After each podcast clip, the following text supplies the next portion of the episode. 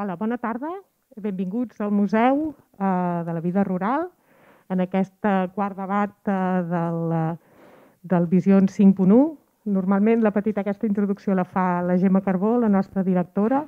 Avui no pot ser amb, eh, aquí amb nosaltres eh, i de fet li sap molt de greu perquè el, el tema del debat d'avui és un tema que treballem molt al museu eh, amb, eh, amb la cooperativa L'Aresta, des del nostre hort ecològic, amb altres projectes que impulsem, i volia que, que sabéssiu que eh, qualsevol iniciativa que pugui sortir d'aquest debat, que com ja eh, és, és normal, que la podem parlar i la podem acollir.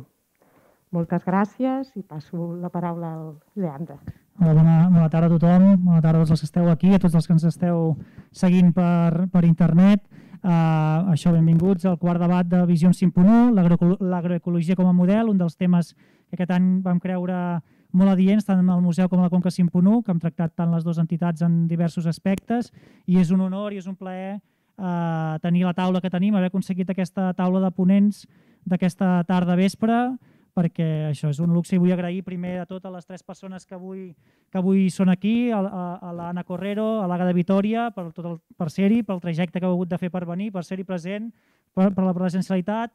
I molt agraït també a la Carla Roca per ser-hi, per acceptar el repte de moderar, de coordinar aquest debat, que sempre és complicat. I moltes gràcies per tot, Carla. I després a les dues persones també agrair a, la, a les dues persones que estan uh, avui de forma virtual, a l'Alicia Puleo, a la Dina Garzón, muchas gracias por estar hoy en este debate sobre agro agroecología en el Museo de la Vida Rural, en el Vision 5.1. Uh, ah, gràcies per tot i, i res, esperar que, això, que, us, que, que sigui un debat profitós, com comentava Rosa Maria ara, i que puguin sorgir iniciatives, almenys conèixer uh, projectes que s'estan duent a terme i que creiem que són vitals pels propers, pels propers anys. Res més, moltes gràcies, que tingueu bona tarda. Merci.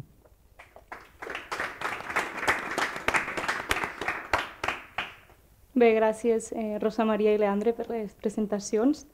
Eh, jo sóc Carla, sóc, com, com la Rosa Maria de la cooperativa agroecològica l'Aresta i, i tindré una mica el rol doncs, d'anar doncs, fent de, de moderadora o dinamitzant eh, aquest debat que tindrem avui sobre l'agroecologia, que al contrari del que pensa molta gent, no? quan escoltem la, la paraula agroecologia pensem en un, en un, en un tipus de, de maneig agrari no? I, i com veurem al llarg del debat d'avui doncs, eh, va molt, molt més enllà i podrem palpar que realment eh, doncs l'agroecologia és, és, o, o és un requisit per, a, per al canvi cultural, el canvi de, de paradigma. No? Eh, no vull estendre'm més, anirem a presentar les excel·lents convidades que tenim avui. Tenim amb nosaltres dos primers espaces del, de l'ecofeminisme a nivell estatal i, i global. Tenim una, una agroecòloga i tenim una, una pagesa.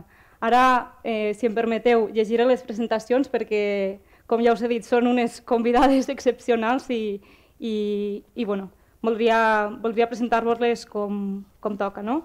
En primer lloc tenim a, a l'Alicia Puleo, que no la podem veure ara, ara en pantalla, però ella és filòsofa, professora i escritora. Actualment és catedràtica de Filosofia Moral i Política a la Universitat de Valladolid, on coordina amb la Dina Garzón un curs online anomenat Ecofeminismo, Pensamiento, Cultura i Praxis, i des de l'any 2014 és la directora de la col·lecció Feminismos de l'editorial Càtedra. Eh, els seus treballs han sigut publicats en nombrosos països i idiomes, eh, sobretot a Amèrica i a Europa. Eh, segurament moltes de les que ens esteu escoltant heu, coneixeu o heu llegit el seu llibre que s'anomena Ecofeminismo para otro mundo posible, que es va publicar el 2011 i que ha donat lloc no, al, al sorgiment del pensament ecofeminista en el món, sobretot hispanoparlant. hispanoparlant. Perdoneu. Eh, els seus plantejaments han sigut assumits des de, des de que va sortir aquest llibre no? com a base teòrica de la red ecofeminista, de la qual formen part tant, tant la Alicia com, com la Dina, després ens explicaran, que es va, es va crear el 2012 i des de llavors doncs, ha sigut convidada a nombroses universitats eh, estrangeres com la Sorbona, la Universitat de Los Angeles o la Nacional de, de Costa Rica, entre moltes altres. De fet, durant el, durant el període de confinament l'Alicia ha sigut molt activa, ha donat mogolló de, de xerrades també en, aquest, en, en format eh, virtual, segur que ho han sopegat amb, amb alguna d'elles. Eh, el seu llibre més, més recent d'aquesta temàtica també es diu Claves ecofeministes per a rebeldes que aman la tierra i los animales, es va publicar al 2019 i una cosa molt especial que, que volíem comentar avui és que el 2020 el Senat de la República Argentina, a proposta de, de la Red de Defensoras del Medio Ambiente i el Buen Vivir, li va otorgar eh, la distinció Berta Cáceres per les seves aportacions a la filosofia ecofeminista. Aquesta era la presentació més llarga, però la convidada s'ho mereix. En segon lloc tenim la Dina Garzón, que ens parla també des de Madrid. Eh, ella, com us he dit, és cofundadora i coordinadora de la Red Ecofeminista, una associació d'àmbit internacional creada a Madrid eh, l'any 2012. Eh, és enginyera tècnica industrial i màster en gestió ambiental i energies renovables, cofundadora de la cooperativa ecofeminista Las Gaia i actualment treballa en el sector energètic temàtica que segurament sortirà en algun moment del debat. Eh, coordina, eh, juntament amb l'Alicia Puleo, el curs, el curs online que he comentat abans sobre ecofeminisme, pensament, cultura i praxi a la Universitat de Valladolid. Al meu costat tinc l'Anna Correro, sòcia treballadora de la cooperativa de dinamització agroecològica Arran de Terra, on és responsable de les àrees d'incidència sociopolítica i comunicació, a més, és graduada en Humanitats i en Traducció, amb màster en Agroecologia a la Universitat Internacional d'Andalusia i, a més a més, doncs, milita en col·lectius feministes i d'habitatge. I, per últim, eh, tenim a l'Àgueda, que ha vingut des del País Valencià. L'Àgueda és pescadora de professió, entre molts altres oficis que segurament ens comentarà avui també. Eh, també és antropòloga i col·labora en diferents mitjans de comunicació, ha estat una reconeguda influencer a les xarxes socials, donant a conèixer doncs, la cultura eh, rural eh, valenciana, el sector primari, etc. Eh, I a més a més doncs, ha elaborat mogolló de molts estudis diversos sobre etnografia, història del món rural, dels oficis en perill d'extinció moltes vegades, i ha creat continguts eh, de divulgació a la televisió pública eh, valenciana i amb, i amb molts altres eh, mitjans. Participa de moviments socials informals, eh, amb ramaders, no? amb, amb, amb pagesia, etc. i on fa doncs, tasques de dinamització i d'articulació entre diferents agents, sobretot del, del sector primari. I deixem aquí les presentacions, que volia ser breu, però era una mica difícil de ser-ho. Eh, aquest, aquesta sessió d'avui eh, es dividirà en tres blocs. El, el primer bloc, que serà el més breu, llançarem una pregunta a cadascuna de, de les ponents que hauran de respondre entre, entre 5 i 8 minuts. Vale? Eh, ara em passaré al castellà perquè si no, no, no ens podran seguir les, la resta de ponents. Eh, si de cas en aquest bloc podeu, podeu contestar el vostre en, en l'idioma que preferiu perquè no haureu d'interactuar. Eh, quan, quan acabem aquest bloc passarem a un bloc de, de diàleg, llavors sí que es farà tot en, tot en castellà i per últim tindrem uns 30 minuts per fer preguntes del públic. D'acord? Eh, pues eh, Alicia, te tenemos por aquí. Aquí. Aquí. Aquí estoy. Vale, Alicia, pues quería, quería empezar contigo, ya que estas preguntas tienen, bueno, la finalidad de estas preguntas era enmarcar un poco la temática ¿no? y, y la sesión para luego ir profundizando durante el, el diálogo. Entonces, eh, a ti te queríamos preguntar eh, si brevemente nos podías, nos podías definir ¿no? Eh, el, binomio naturaleza-cultura, que tú lo, has estudiado mucho en, tus trabajos, y, cómo este binomio, o, cómo lo hemos, lo hemos tratado, cómo esta división eh, define y, legitima ¿no? el, sistema en el cual nos vemos inmersas, ¿no? en el cual vivimos. Si puedes ceñirte a los 5 o 8 minutos resaltando ideas clave, perfecto. Eso es mucho Bueno, buena tarde. Eh, bueno, muchas gracias, eh, Carla, por la presentación. Estoy muy contenta de estar en el Museo Vida Rural y quiero agradecer la, invitación a la Conca, a Leandre, que ha estado en contacto con nosotras eh, todo el tiempo. Bueno, bueno, pues eh, trataré de ser lo más breve posible. Mm, a ver, el, dualismo naturaleza-cultura es muy antiguo. Es una tradición muy antigua. Si nos remontamos en la filosofía mm, occidental a, los orígenes, vemos que eh, lo encontramos clarísimamente, por ejemplo, en Platón O sea, la, cuando Platón en el banquete eh, diferencia entre lo que es el amor terrenal y el amor celestial, eh, el amor terrenal es el amor que une a los hombres, es el amor heterosexual. Y el amor espiritual es en cambio el amor que une a los hombres reunidos eh, filosofando o creando leyes o haciendo cultura, en definitiva. Eh, luego lo volvemos a encontrar en Aristóteles, aunque Aristóteles no es tan dualista, pero sí que para Aristóteles el hombre griego es, eh, es cultura, es mente, es racionalidad mm, frente a lo que es eh, el mundo natural o más natural, que sería el de los esclavos que hacen trabajos con su cuerpo, dice Aristóteles no con la mente, sino con el cuerpo, y, los, eh, y las mujeres y los animales, que eso, son todos eh, eh, seres que hacen cosas con el cuerpo. Entonces, esa división, humano, animal, mente, cuerpo, también la vamos a encontrar en las grandes religiones monoteístas, en, la división alma, cuerpo, o eh, cielo, eh, Dios, divinidad, frente a el mundo terrenal, que es el mundo del devenir, que es inferior, que es eh, incluso sucio o pecaminoso, y que es un mundo finito, en el sentido de que no de que no tiene vida eterna frente al espíritu que sí la tiene. Entonces, eh, esas diferencias, eh, humano, animal, mente, cuerpo, eh, hombre, mujer, se buscan continuamente mostrar las diferencias y las diferencias son interpretadas como inferioridad en el caso de el otro, ¿no? Es decir, de la mujer o del bárbaro que ha sido esclavizado o del, eh, o del animal. Entonces, venimos de una larga tradición. Luego entra la modernidad con todo el desarrollo tecnológico,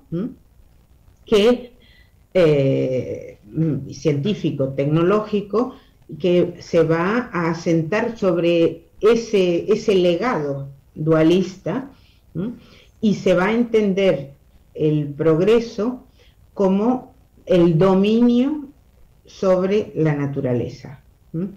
Entonces, eh, ese binomio naturaleza-cultura, mm, que indudablemente, a ver, hay una diferencia entre naturaleza y cultura, pero una cosa es decir que hay diferencias y mm, otra es decir que hay eh, diferencias absolutas en vez de continuidad y en vez de eh, pensar eh, la diferencia, bueno, pues como el ser distinto, se piensa como mm, inferioridad.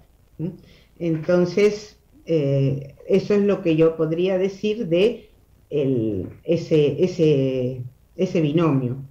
Ahora, mm, ese binomio adjudica a las mujeres toda una serie de tareas, o más bien la organización social ¿eh? Eh, humana eh, mm, va distribuyendo tareas mm, que unas consideradas culturales, como la política, por ejemplo, y otras consideradas naturales e inferiores, como el cuidado de eh, la reproducción de la vida, el cuidado eh, en, la, crianza, eh, en, la atención a los enfermos, etcétera, que es adjudicado a las mujeres. Todo eso va creando una cultura muy dual, en donde hay cosas que son superiores y que están vinculadas al dominio y, y otras tareas, actitudes que están vinculadas al cuidado y que son inferiorizadas. En la pandemia, por ejemplo, hemos visto la importancia del cuidado, que, es, que sin embargo lo realiza siempre gente que es menos pagada que la que realiza tareas de poder. Entonces, eh, llamamos en el feminismo, eh, llamamos androcentrismo a esa visión de la cultura en, la que eh, las tareas tradicionalmente femeninas han sido desvalorizadas. Mm, todo esto mm, nos lleva a, un, a, una cultura que podríamos llamar del dominio, del poder, que actualmente, o sea, que se ha ido, o sea, el patriarcado, ¿no? que se ha ido adaptando, el patriarcado es muy antiguo, y se ha ido adaptando a distintas eh, épocas históricas, a distintas formas de organización de, la producción. Y en el tema que hoy nos interesa, por ejemplo, ¿no? que es la agroecología, eh, eh, justamente la agroecología es una, es una alternativa frente a esa visión del dominio y de la explotación intensiva de la naturaleza, que nos está perjudicando tanto porque eh, estamos mm, aplicando mm, un ritmo de producción y una forma de producción a la naturaleza, a los animales, eh, que son las grandes víctimas de, todo esto, que es mm, incompatible con un futuro eh, digno de ser vivido incluso por la humanidad. Eh, en fin, frente a todo esto, el ecofeminismo es una alternativa, es un pensamiento crítico, es un pensamiento que revaloriza el cuidado, no para, por lo menos eh, tal como yo lo pienso, tal como yo lo, lo he desarrollado, no para que digamos, ah, las mujeres somos maravillosas y vamos a cuidar de todo el mundo, sino justamente para considerar que el cuidado es necesario, que es una capacidad humana y que eh, todos los seres humanos tienen que eh, asumirlo. No solo con respecto a, digamos, a la familia humana, sino más allá, a los animales no humanos y a los ecosistemas eh, que hoy en día están eh, tan desequilibrados. Entonces, esa es, eh, yo diría que el, ecofeminismo es una teoría y una práctica contra la dominación patriarcal, andro, antropocéntrica y, neoliberal. Sí, Alicia, creo que ya he consumido mi tiempo. Sí, de hecho has dicho cosas muy interesantes, ¿no? Del, modelo de producción agroindustrial hablaremos más, más adelante. Eh, durante el diálogo has avanzado un poco qué significa o qué es el ecofeminismo, cuáles son sus objetivos. Eh, a Dina le queríamos, le queríamos preguntar precisamente esto, ¿no? porque muchas veces escuchamos la palabra ecofeminismo y pensamos que es eh, sencillamente pues, la unión del feminismo con, con el ecologismo y no es del todo así. Así que, Dina, si nos pudieses eh, definir el, ecofeminismo ampliando la definición que Alicia ya nos ha dado. Claro, pues lo primero, me, uno al agradecimiento de Alicia y para, eh, para no repetirme, me uno simplemente y decir, Alicia, es que podríamos estar escuchándote, mira que te escucho veces, pero siempre, siempre aprendo contigo, qué maravilla, que estoy contentísima de estar hoy con todos vosotros y sobre lo que comenta, es interesante porque cuando empezamos con la red ecofeminista, Alicia lo sabe, hablar sobre ecofeminismo es otro, era otro momento que el que tenemos ahora, ¿no? Que ciertamente nos preguntaban el otro día, me preguntaban en una charla que los peligros del ecofeminismo y es que, que es que em, es que llamemos a todo ecofeminismo, ecofeminismo que no lo es. Entonces, pues quería empezar con, con la pregunta que eh, dándote primero la razón que evidentemente el ecofeminismo no es la suma únicamente de feminismo más ecología, como muy bien dice, y para entender bien lo que es ecofeminismo puede que nos ayude el ver la diferencia y que es algo que, que, le robó a Alicia de su libro Claves Ecofeministas, que nos explica muy bien y que ayuda mucho a entender lo que es ecofeminismo, el ver lo que no es, que es la diferencia entre feminismo ambiental y ecofeminismo. Entonces, eh, el feminismo ambiental, según lo veo, sería lo que comentan, la suma simplemente de ecología, de feminismo y ecologismo. Y en cambio, Quiero decir, ¿y qué es feminismo ambiental? Pues feminismo ambiental son mujeres feministas que tienen la inteligencia de entender los tiempos que vivimos actualmente. Como hemos hablado, son otros tiempos. Vamos, mm, la conciencia ambiental ya es algo que se ha extendido en la sociedad y que por, por esta inteligencia, porque se preocupa por el deterioro del medio ambiente, claramente pero no ha superado todavía, y yo creo que es una palabra, Alicia, que vamos a repetir hoy no sé cuántas veces, que es el antropocentrismo. Al no, superarlo, es decir, una, feminista ambiental podría ser una mujer que se preocupa por la contaminación del aire, pero porque indudablemente nos afecta y enfermamos con ello. Eh, o eh, se preocupa por la deforestación porque eh, surgen pandemias como el COVID-19, ¿no? Con la zoonosis. O me preocupo del bienestar de los animales, por ejemplo, que es un ejemplo que se ve claramente, pues porque me los como y no quiero que esté lleno de antibióticos y hormonas, ¿no? Que atentan contra mi salud. Eh, es decir, se preocupan de las afecciones que el deterioro ambiental nos provoca y que, por cierto, que está estupendo, que está muy bien, que no es que estamos diciendo que no que, esté mal, pero nosotros las ecofeministas consideramos que vamos un paso más allá, ¿eh? que es em, que además de que superamos este androcentrismo y abordamos lo que es para nosotros, eso es una cuestión nuclear, o sea, el, superar el, el antropocentrismo es una cuestión nuclear para abordar la crisis ecosocial ¿eh? que, estamos, que en la que estamos ahora mismo y para superarla con éxito. O sea, consideramos que es una, cuestión central. Y entender pues que somos un eslabón más de la cadena de la vida y que básicamente no somos el centro de todo, ¿no? Eso, eh, un, ejemplo también, pues podríamos poner que esto es Naomi Klein, cuando lees, que luego hablaremos sobre, seguramente sobre eh, transición energética ecofeminista o otra, cuando lees a Naomi Klein, pues tú entiendes todo perfectamente, es estupenda, eh, eso, pero eh, cuando una ecofeminista la lee, entendemos que es antropocéntrica en sus escritos porque el ser humano está en el centro de todo. Y como ah, eh, evidentemente, no, me voy a, no me quiero extender eh, sobre qué es el ecofeminismo, que además ya la Alicia lo ha dejado eh, bastante claro, pero a, esta superación del, antropocentrismo quería añadir otra, con otra definición de Alicia en claves ecofeministas que nos dice que el ecofeminismo es teoría y praxis, muy importante por un lado, para la dominación, esa dominación antropocéntrica que hablábamos, patriarcal, pero también androcéntrica. Y, nosotras como feministas,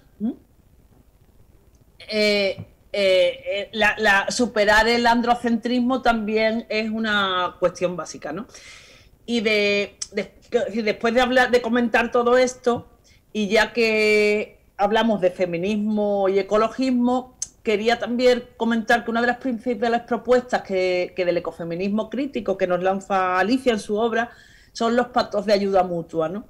Y esta es una propuesta eh, de pacto que estos movimientos sociales y otros, con estos movimientos como el ecologismo, el feminismo y otros como que queremos añadir para nosotros también, que es el animalismo, que no, no podemos incluirlo dentro del ecologismo porque es un movimiento social por sí solo, pues vayamos de la mano ¿eh? para alcanzar lo que nosotros siempre comentamos de ese otro mundo posible que todos deseamos.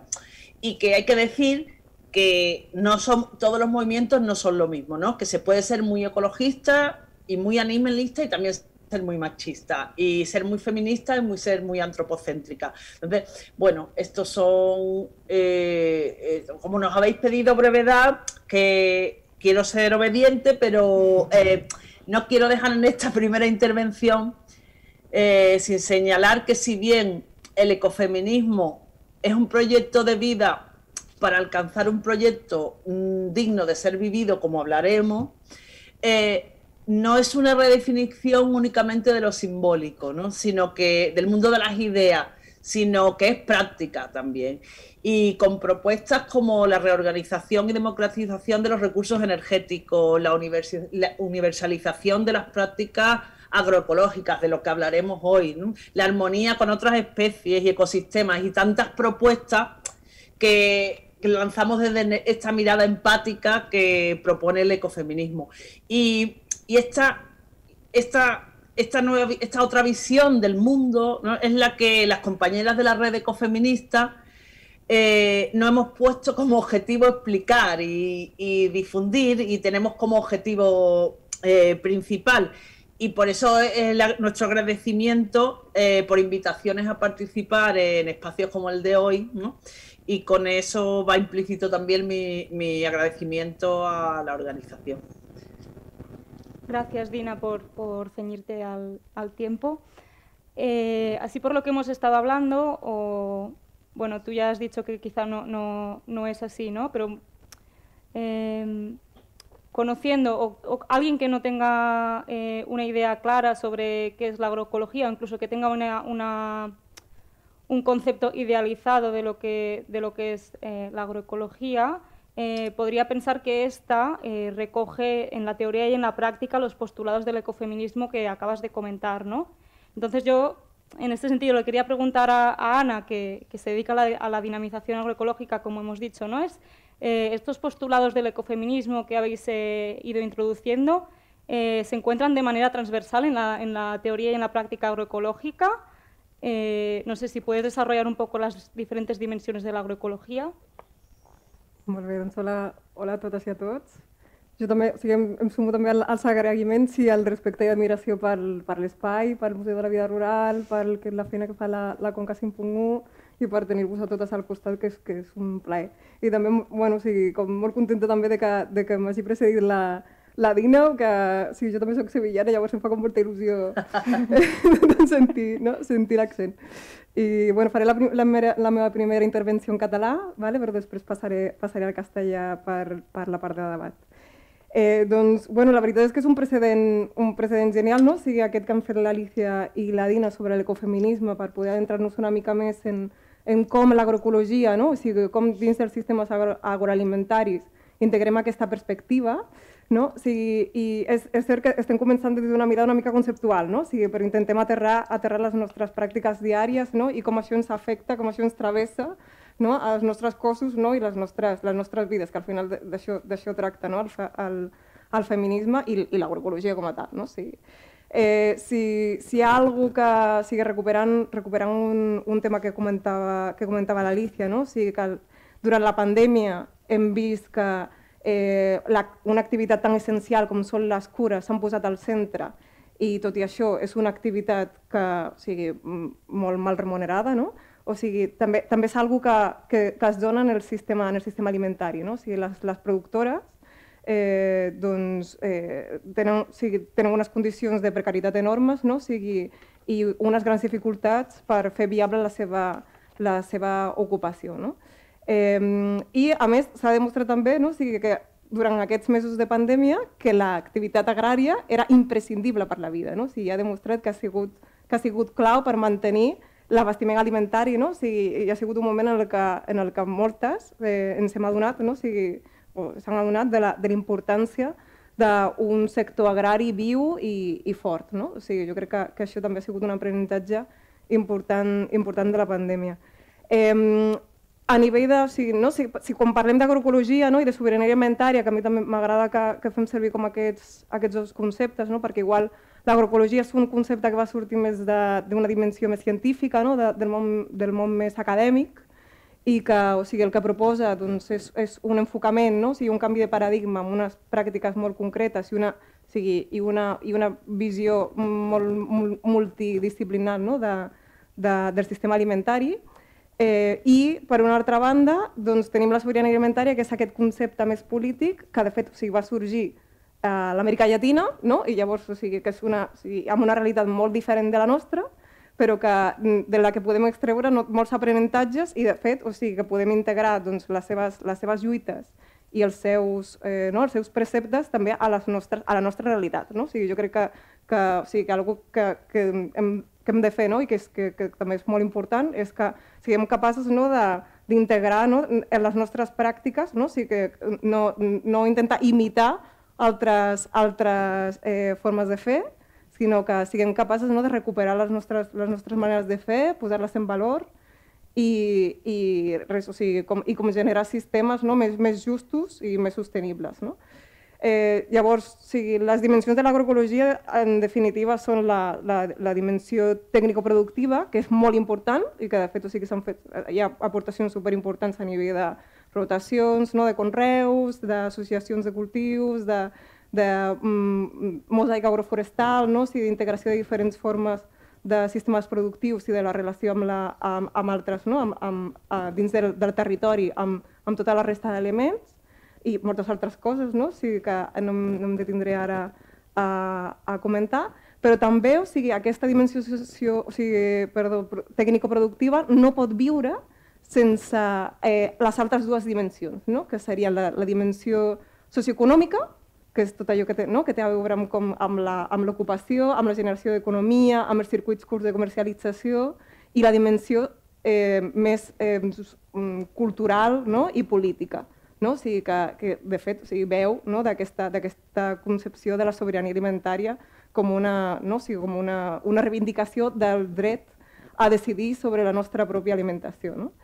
Eh, I en aquest sentit, o sigui, jo, bueno, o sigui, la sobirania alimentària inclou clarament una perspectiva, una perspectiva de gènere, però, de fet, la, la mateixa via campesina que va desenvolupar el concepte era conscient de que calia fer molta feina perquè dins de la sobirania alimentària dels moviments camperols doncs, estigués, in, estigués integrada aquesta, aquesta perspectiva. I, I ens hem de fer segurament la pregunta de si l'agroecologia és feminista. No? O sigui, ja portem eh, portem uns anys que comença a estar, eh, no? o sigui, comença a estar en debat aquest tema i jo crec que, o sigui, que és molt pertinent que, que fem, que fem aquest, aquest, aquesta anàlisi no? i que ens preguntem quina mena de sistemes alimentaris alternatius, que no haurien de ser-ho, no? sinó que o sigui, sistemes alimentaris localitzats, com, com els volem construir. No? I a mi, des de la, de la perspectiva eh, no, de l'ecofeminisme eh, i de l'agroecologia feminista, igual el que o sigui, m'interessa, no? o sigui, jo veig igual com dues, dues escales, no? o sigui, l'escala que parla de com les dones, de quina situació viuen les dones al sistema alimentari, eh, que o sigui, aquí podem parlar tant des de, o sigui, no? a nivell de producció, o sigui, que eh, bueno, o sigui, no, no sé si sabeu que les dones eh, són normalment les que tenen finques de, de menors dimensions, eh, en, en molts casos, i, a més, o sigui, segons la, si hi ha un, la llei de titularitat compartida eh, que, es va, que es va aprovar el 2011, doncs des d'aquell any només cinc finques s'han acollit a aquesta, a aquesta llei. No? O sigui, això vol dir que les, o sigui, les dones eh, en el sistema productiu i en el sector agri, eh, agrari eh, des, de, bueno, és, o sigui, des de fa molt, eh, doncs han, sempre, sempre hi han estat, no? O sigui, i, i, han, i han jugat un rol fonamental, però l'han fet des de l'economia submergida, des de la invisibilització i des de, no? o sigui, des de també una dependència enorme de, de l'home, en aquest cas, no? que era la persona que, que, que feia com de cap d'explotació de, i cap de, cap de les cases. No? Eh, i bueno, o sigui, la perspectiva que estan aportant les dones, no? o sigui, com en col·lectius com poden ser Ramaderes de Catalunya, que segur que, que moltes coneixeu i que, o sigui, perquè són, són un col·lectiu superactiu i que estan fent una tasca brutal, no? o l'Associació de Dones, de Dones Rurals i, i moltes altres, o sigui, moltes dones també al territori treballant no? cada dia, eh, doncs ens parlen no? o sigui, com que la, la seva aportació eh, també, també crec que és, que és, que és clau, no? o sigui, la, la seva aportació de, de posar en valor la qualitat del producte, dels circuits curts, d'una relació més, més justa, no? de, o sigui, una relació amb el medi i amb, i amb els animals més, més justa, no? O sigui, crec que, crec que, des de, que des de la perspectiva de, de les dones s'està fent una anàlisi i, un, i, una, i una autocrítica, eh, un, un exercici d'autocrítica doncs, molt important per seguir avançant, no? o sigui, per, perquè construïm, construïm sistemes alimentaris més, més, més justos, no? o sigui, i crec que això, que això és clau. I, bueno, i també a nivell de, de sistema, no? o sigui, de, de la situació de les dones, eh, què passa a les llars, no? O sigui, el que hem viscut durant, durant aquest, aquest dar, no, aquests darrers, no sé, 50 anys igual, o igual una mica menys, no? Fins i tot, és que les dones s'han incorporat eh, al, al món laboral, però sí, aquesta, aquesta incorporació al, al, món, al, món, al món laboral no, no, no ha vingut de la mà d'un repartiment just de les, de les tasques domèstiques. No? I això, o sigui, ja sabem, ja sabem eh, no? quan parlem de la, de la doble jornada, no? o sigui, de, la doble, de la doble jornada a casa i a, i a, i a la feina, doncs el món, o sigui, això ens passa a totes, no? o sigui, i, el món, i el món productiu encara més, no? o sigui, perquè parlem d'una d'una feina doncs, que requereix eh, de, o sigui, de grans energies, com, com sabeu. No? Eh, bueno, a, a nivell de la situació de les dones, jo crec que, podem, que, que es, podríem recuperar això. I després hi ha com, o sigui, eh, una altra cosa que m'interessa no, de la perspectiva ecofeminista aplicada al sistema alimentari és aquesta, o sigui, aquesta epistemologia, no? o sigui, aquesta, aquesta, aquestes ulleres mm, liles no? E, i verdes no? de l'ecofeminisme que, que ens permeten doncs, eh, pensar les nostres, la nostra alimentació i el nostre sistema, i el nostre sistema alimentari no? des d'un de, des prisma d'un canvi de paradigma. No? O sigui que, que comparteixen molt amb l'agroecologia a nivell conceptual. Eh? O sigui, considera que l'alimentació, la, que, que els aliments no són una mercaderia, sinó que és un, que és un dret bàsic i que, no? o sigui, que, que llavors ho hem de, eh, l'hem de reivindicar com a tal, encara que durant els darrers, des dels anys 60 igual, no? i de forma molt gradual, doncs s'ha convertit en una, en una peça més no? de, de, del sistema neoliberal, no? o sigui, i ens l'han anat colant. Eh, doncs jo crec que aquesta, aquest, aquesta concepció és, és força important. I també la idea de, que, de, de, de recuperar la, la idea d'alimentació com una, o sigui, des de, des de la idea no, no d'una economia productivista, sinó des del que implica no, a, nivell de, a nivell cultural, a nivell de, a nivell de lo reproductiu, a nivell de no, recuperar les narratives de l'economia de subsistència eh, i, de, i sí, sí, com, com treballar des d'aquesta, no? sí, com imaginar-nos altres, altres escenaris eh, després de que ens hagin colat no? o sigui, aquesta, aquesta narrativa a poc a poc de que la, és, és un, un, una mercaderia més, igual que és l'habitatge, que és una altra, dret, dret bàsic, no? eh, doncs, o sigui, un, algo més amb el que, amb el que comercialitza. No? Eh, jo crec que des d'aquí o sigui, que ens queda com molta feina per fer, no? o sigui, i, i crec que, o sigui, que, que és interessant fer aquesta anàlisi interseccional, no? o sigui, que també proposa el, el feminisme des de, en, en els seus preceptes. No? Molt bé, Anna, perfecte.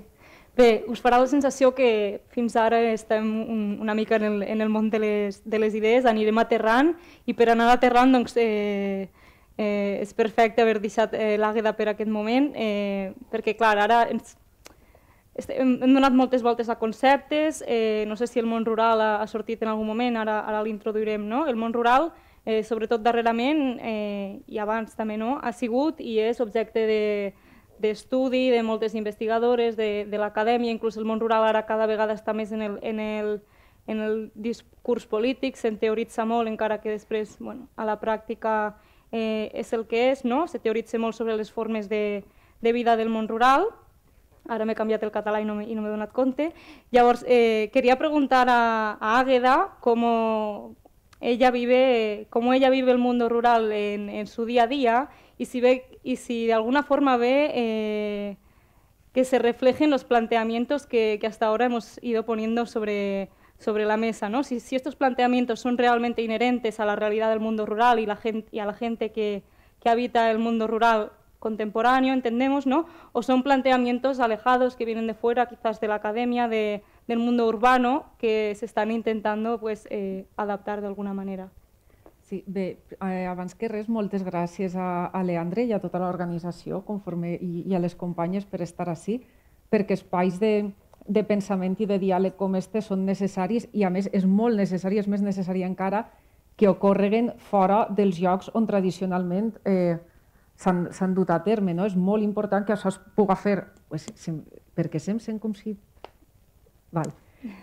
Eh, que, que tinguen lloc en, així no? i no en, eh, en el centre d'una gran ciutat. No? El, el, el poder dur aquests debats o aquest tipus de debats a, a llocs on semblava que no tenien cabuda no? o que no obtindrien resposta per part de, de la gent que assistiria la pregunta de, de Carla uh, és, no és complicada, però sí que és cert que nosaltres hem sigut, nosaltres dic les persones que vivim als pobles i, i que treballem als pobles, hem sigut des de fa molts anys eh, objecte d'estudi, de, hem sigut objecte d'extracció, de, tant els recursos del nostre entorn com també els nostres cossos, en, en, en forma de, de... Hem exportat mà d'obra a les ciutats des de, des de sempre.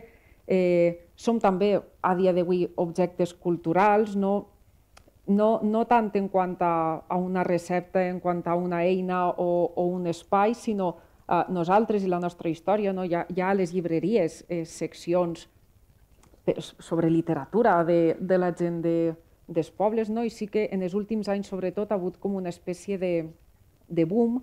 També el fet de, de que el despoblament hagi entrat en l'agenda política, cosa que és bona, eh, també ha fet que, que se'n parle encara més sobre tot això i que si abans ja es teoritzava, sobretot des de des d'un àmbit prou allunyat de nosaltres, ara ho és encara més perquè ara, a més, eh, hi ha un rèdit econòmic no? i hi ha un, hi ha, hi ha un interès especial per, per poder dur a terme coses a, als pobles. Jo, jo sí que tinc la sensació de que aquests plantejaments segueixen encara allunyats de, del que és el nostre dia a dia, tot i que també nosaltres ara tenim l'oportunitat d'explicar-nos, o sigui, que no siguin altres els qui expliquen la nostra història o què fem o què ens, a, a què ens dediquem, o com podríem millorar-ho, perquè sempre hi ha aquest paternalisme cap a nosaltres, eh, per part de, sobretot per part de l'acadèmia, no? de dir ah, és que porteu tota la vida fent això així, si ho fereu d'esta altra manera, ah, és que la cooperativa no funciona, vale, sí, no funciona i no, i no funcionarà mai, i, i sí, però ah, és aquest to de, eh, de paternalisme amb el qual s'han dirigit també incomoda molt i, i també fa que, que moltes coses no siguin ben rebudes, però però ara tenim molta gent, tenim ja eh, la capacitat, la formació, eh, els altaveus necessaris per a ser nosaltres qui contem, eh, qui contem d'on venim i qui contem i decidim què és el que volem ser. No? Als últims anys, ja dic, que parle dels últims anys perquè, perquè pense que sí que ha hagut un boom i que no té, no té que veure una percepció que puga tindre jo, sinó que realment ha hagut un, un certa eclosió eh, al parlar d'aquests temes M'han convidat a moltes taules redones i a moltes eh, històries diferents en les quals es parla de, de què es pot fer per a que la gent seguisca vivint als pobles, què es pot fer per a que el sector primari eh, d'alguna manera no desaparega i, i les idees que, que es plantegen des de, des de l'àmbit de les persones que tenen la capacitat i la formació per a, per a decidir no? i per a que les administracions es contracten per a, per a fer aquests plans que se suposa que van a salvar-nos la vida, segueixen pecant d'estar allunyades de, de la realitat. Hi ha debats que ens interessen, eh, que ens interessen molt, però que potser portem ja massa temps eh, en ells. No? I, I igual el que, el que ara del que volem parlar és, són coses molt més immediates. No, no podem seguir fent polítiques de de fa 15 anys pel que fa a revertir el despoblament. No? I sobretot hi ha xicotetes coses que, que passen desapercebudes a voltes i que el que acaben per fer és perpetuar uh, idees de les que se suposava que volien fugir, cert conservadorisme. Es veu, per exemple, per posar un exemple molt evident eh, i, i massa freqüent encara, quan, quan als pobles es fan aquestes crides per a que vaig a gent a instal·lar-se, perquè van a tancar l'escola o perquè l'escola ja ha tancat i la volen reobrir, es busca una família que tinga fills, no? Eh, la dona és entesa com una cosa que cria i que, i que mos salvarà perquè cria, no? quan la realitat és que si, si mirem les tendències demogràfiques, potser seria molt més útil que deixarem de pensar en famílies i deixarem de pensar en dones parint i començarem a pensar que, que, que el mercat està precisament en les persones majors i soles i que elles mateixes són les que portaran a, a, qui fa falta que vinga a cuidar-les perquè, perquè la realitat eh, va cap ahí, no? no va cap a que siguem eh, més gent, sinó que va cap a que serem molta gent sola i molta gent eh, major i necessitarem que algú ens cuide i necessitarem que algú ens preste una sèrie de serveis. No? Aleshores ja este, eh, eh, esta cosa de, del burro ahí anant només en una direcció de portar famílies en xiquets als pobles, no? de perpetuar a més això, pues, un model de família, de família nuclear, molt, molt estereotipat molt, i, i sobretot conservador. No? Hi ha aquest tipus de detalls, hi ha, eh, hi ha altres coses que, que, de les quals tampoc es parla perquè incomoden, per exemple, eh, fins que no ha plegat la generació pues de, de la gent de la meva edat en avall, el tema de la vivenda en, quan es parlava de despoblament, és que ni esmentava. I ara costa, en molts rogles costa de mentar perquè és incòmode, perquè molts dels pobles on vivim són eh, destins turístics, no tan turístics, sinó destins de, de segones residències, i és molt incòmode plantejar el debat del mal que fan les segones residències, no? I és com que, bueno, d'això no parlem, anem a veure si podem fer un banc de terres i arreglar quatre bancals i que vinga una família de l'altre costat del país a, a establir-se així i, i no tindran on viure, no? Però bueno, no tindran on viure, bueno, això ja s'arreglarà.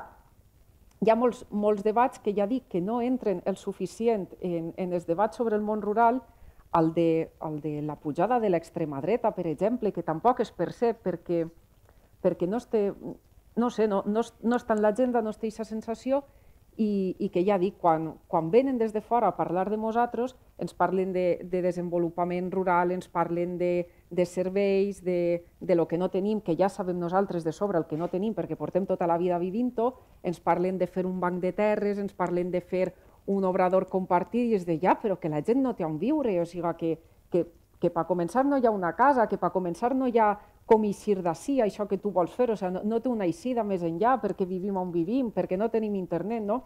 Hi ha tota una sèrie de, de coses que ja dic, que, que fa falta, que de deberes fa falta eh, aterrar en elles i, i que per molt que les coses estiguen canviant, perquè no vull menysprear, eh, de fet no menyspre el, el treball que es fa i el treball que s'ha fet des de, des de molts àmbits, perquè damunt la, la gràcia està ahí, no? la gràcia en part està en que tenim un problema amb molts factors i que toca molts camps i que per tant les solucions han de ser creatives i han de, han de ser eh, han d'involucrar a perfils eh, molt diferents i, i ahí està la gràcia i, i el repte no? de, de buscar solucions al que ens passa, però ja dic, eh, seguís trobant-se a faltar d'alguna manera el, el que el que aquests plantejaments, el que aquest pensar què volem ser o cap a on volem anar o, o com podem seguir existint, eh, se'ns hauria de d'això, de, de, de preguntar una miqueta més i no tant d'imposar.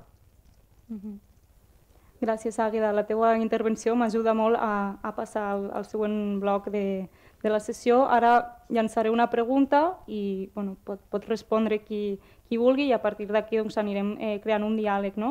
Tot el que has comentat, no? has dit, volen portar gent als pobles, però quieren llevar gente a los pueblos, però de què van, de què van a vivir no? o dónde van a vivir en el caso de que no haya casas eh, disponibles, rehabilitadas, etc. ¿no? Eh, que el sector primario no desaparezca.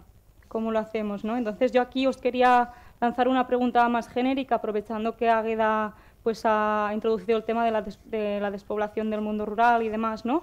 Hemos hablado que el, del, el reto demográfico ¿no? es un concepto también, también muy presente en nuestros días, la, España vaciada, etc. ¿no?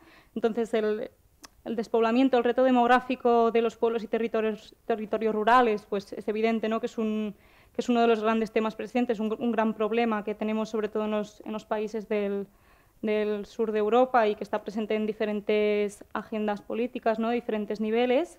Eh, pero al menos la, las personas que, trabajamos o que estamos más inmersas en el mundo de, la agroecología, el sector primario y demás, eh, nos damos cuenta de que cuando se plantea la, cuestión de la despoblación rural, pocas veces se habla de su causa, ¿no? se, da toda una batería de, de soluciones aparentemente in, inmediatas, ¿no? pero no se habla de, eh, de, sus causas o no se habla de una de las causas más importantes de la, de la despoblación, ¿no? que es la desagrarización de, del campo, ¿no?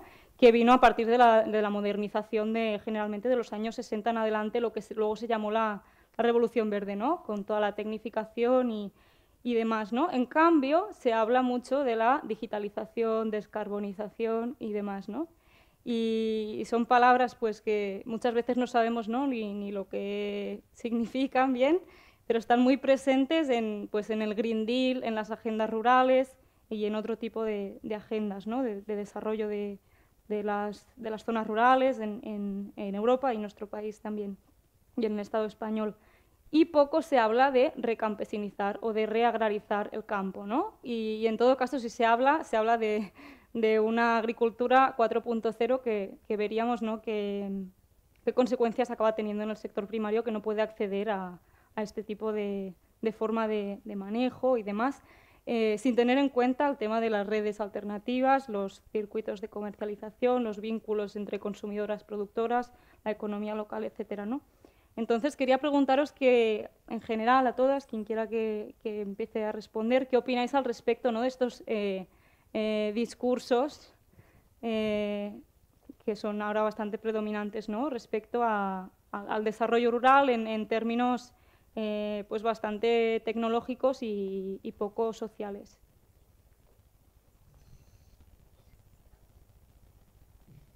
Sí. Si queréis, empiezo yo. Vale. Adelante. vale. Vale, ya comentáis, ya me dais, ya me decís lo que pensáis los demás luego. Mira, eh, como hemos hablado antes, eh, desde el ecofeminismo, ¿no? Del ecofeminismo crítico mucho de, despojarnos del antropocentrismo, pues quería hacer lo primero una reflexión de cuando hablamos de la España vaciada, eh, decimos vaciada de qué, o sea, porque a lo que nos referimos es vaciada de humanos, pero no significa que, que no tenga valor eh, por el hecho de que no haya humanos, ¿no? Entonces, eh, lo que yo, cuando no veo un problema el hecho de, que esté vaciada, pero sí lo que es un problema, evidentemente, y en eso creo que coincidimos todos, eh, la agricultura, la ganadería industrial eh, y tóxica que envenena y, y, es decir, desde todos los procesos de, y los ecosistemas y, afecta a todas las especies, incluidas nosotras. Por lo tanto, sí considero que la agricultura ecológica, en este caso, eh, el, que esto para, para eh, necesitamos de legislación valiente, ¿no? Valiente en estos temas y esto es prohibir sustancias tóxicas y apoyar con los presupuestos generales de la agricultura, la agrocultura eh, de una vez. Necesitará, evidentemente, mucho más intensiva en cuanto a mano de obra. Entonces, ese cambio ya de por sí, queramos o no, eh, hará mmm, que donde hay tractores, donde hay eh, veneno por todas partes, pues cambie absolutamente. Entonces, bueno, mm, o sea que bien eh, no veo el hecho de que no haya humanos en muchas zonas un problema, pero el problema es que actualmente esa España vaciada, esa zona, la, propuesta es llenarla de, de maracogranjas de, animales que son el Auschwitz para los animales, ¿no? De sitios de perversos de tortura animal y con todas las implicaciones en el medio ambiente y además eh, que por supuesto no traen nada más que pobreza en los lugares donde supuestamente iban a, desarrollar riqueza, ¿no? que ya sabemos que no, que no los tienen.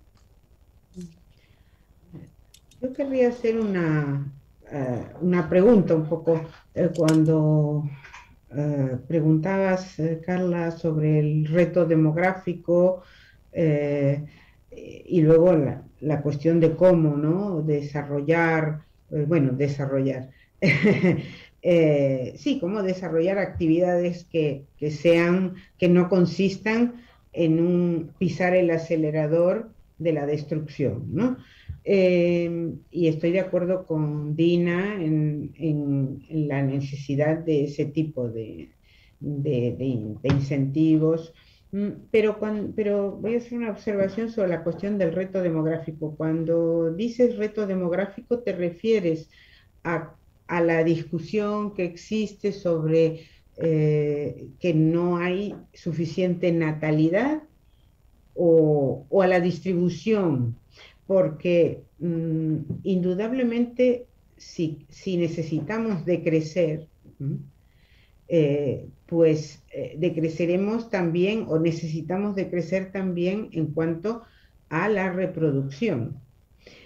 Y esto va un poco en el sentido ya del, mm, del cambio social feminista que hace que las mujeres ya no, no quieran tener eh, un montón de hijos, sino tener menos o no tener, pero eh, cuidarlos de una manera especial, etcétera, ¿no? Entonces, a veces cuando yo oigo en la televisión esas cosas, el reto demográfico, digo, pero ¿qué es? ¿Pretenden que haya más eh, reproducción humana, eh, porque mm, eso no, va en el sentido de la sostenibilidad. O. No, Alicia, me, refería más a la, distribución de la población y en qué se ocupa esta población. Por eso eh, os intentaba llevar hacia, el tema de la recampesinización, ¿no? Claro. Mm, sí, sí, sí, entiendo. Vale, era una duda. Yo no sé si, eh, no sé si querías decir algo más, Dina. Bueno, no, yo quería escuchar ahora a las compañeras que se dedican a, al tema. A ver, ya, volvemos. Vale, pues no, respecto a este tema sí que, eh, bueno, como escuchando, ¿no? También me sale la, como la reflexión, ¿no? De que al final la, despoblación de alguna manera y este, este vaciado, ¿no? De, de, de los territorios rurales eh, tiene, mucho que ver, como estaba comentando Carla, ¿no? con ese proceso de industrialización y con esa necesidad de mano de obra para la acumulación de capital y para la generación de un crecimiento, ¿no? o sea, de, un, crecimiento basado, basado en, otra, ¿no? en, esta economía eh, más industrial y en la productividad y que eso ha conllevado, mm, ¿no? O sea, la, consecuencia directa ha sido como este vaciado de, de, personas, ¿no? En un sentido más material, pero también un vaciado de cultura, ¿no? Sí, un vaciado de, la, de los conocimientos tradicionales, de, de, nuestra, de, nuestras tradiciones, ¿no? De, nuestras, de, maneras de hacer, ¿no? Y que además, eh, pues estamos en un momento de, pérdida de, este, del vínculo, ¿no? O sea, con, con, esa, con esa otra generación, ¿no? con esa generación que, que sí tenía, que, mantenía ¿no? estas maneras de hacer, eh, y ahora estamos intentando recuperarlo con o sea, una generación después, ¿no? o sea, con, con mucho perdido. ¿no? Em, y, o sea, como que, que también me lleva a la, reflexión, sin querer ser mm, pesimista, ¿no? pero que sí, o sea, no, no, no, puedo evitar hacer esta lectura, ¿no?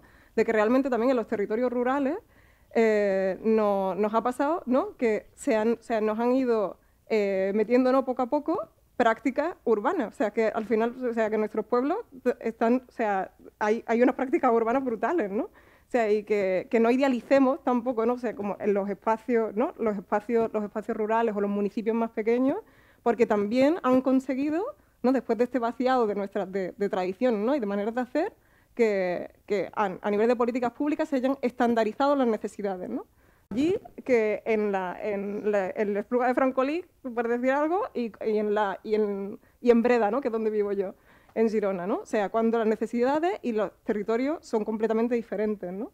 Eh, yo creo que, o sea, como que, que mm, me sale como esta, esta, reflexión por un lado y también me salía como eh, la reflexión cuando, cuando hablabas de, de recampesinización, ¿no? O sea, que nos cuesta mucho hablar de, de esta posible, ¿no? De esta posible vuelta y de esta necesaria vuelta eh, al, em, como a, la, a, la, fuerza, ¿no? sé como a, una, importancia más, clave del sector agrario, cuando es imprescindible ¿no? que, el sector, que el sector primario recobre, ¿no? sea como eh, espacio, o sea, que, recobre personas que se dediquen, ¿no? y que recobre pues, la importancia que tiene como, gestora del territorio y como, y como proveedora de alimentos, ¿no? O sea, que, creo que a, veces, que a veces lo perdemos de vista.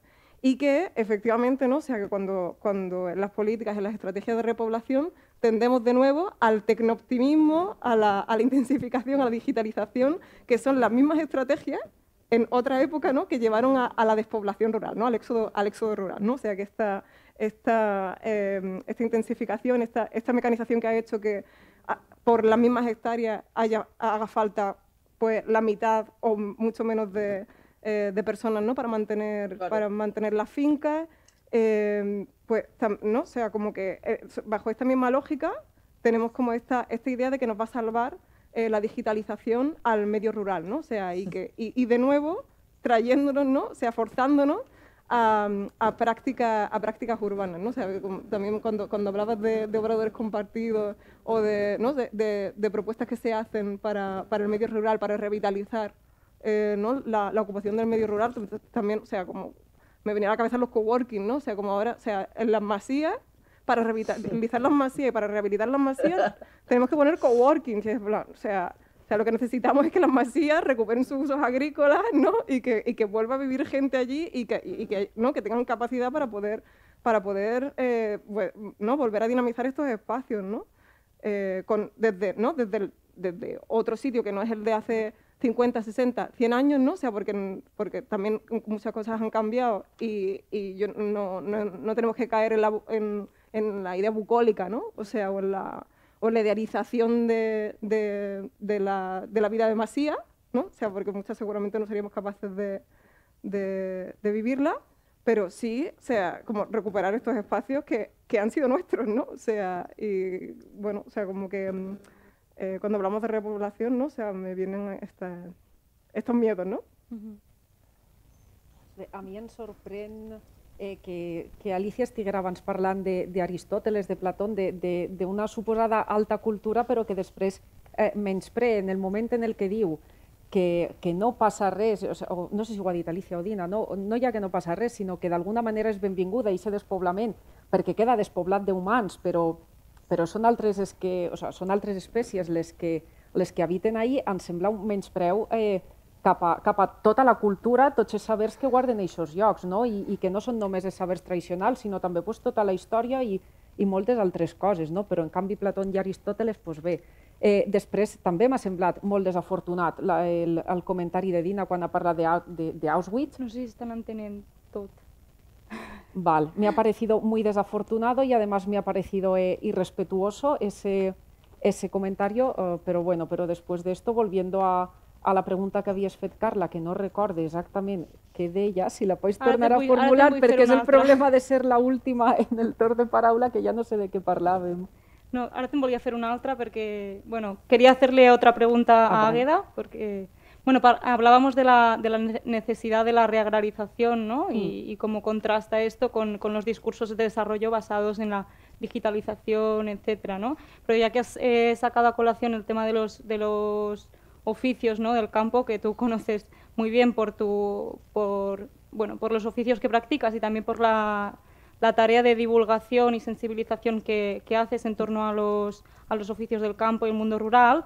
Yo quería, quizás las otras también podemos, podemos ir complementando, ¿no? Pero quería preguntarte, eh, tú que lo conoces también, ¿no? Y, eh, ¿Qué podemos aprender de los oficios tradicionales a la hora de plantear ¿no? un, cambio de, paradigma de las formas, en las formas de producción, pero también de reproducción de, de la vida en, en los pueblos, pero también de las ciudades, ¿no? Porque al fin y al cabo, eh, quizás, ¿no? A mí me gustaría pensar, ¿no? Que los, que los pueblos, eh, si sus habitantes lo quieren, puedan ser un, como un, un espacio, un laboratorio de transición ecosocial que pueda exportarse a la ciudad y adaptarse al, al contexto urbano, ¿no? Entonces, quería preguntarte, ¿no? ¿En ¿Qué podemos extraer de los, de los oficios tradicionales, del- de, los saberes, de las formas de vivir que, que lo envuelven? Bé, en el cas concret de, dels oficis, sí que és cert que, que més enllà de- d'allò eh, específic per al desenvolupament de l'ofici, el millor que podríem fer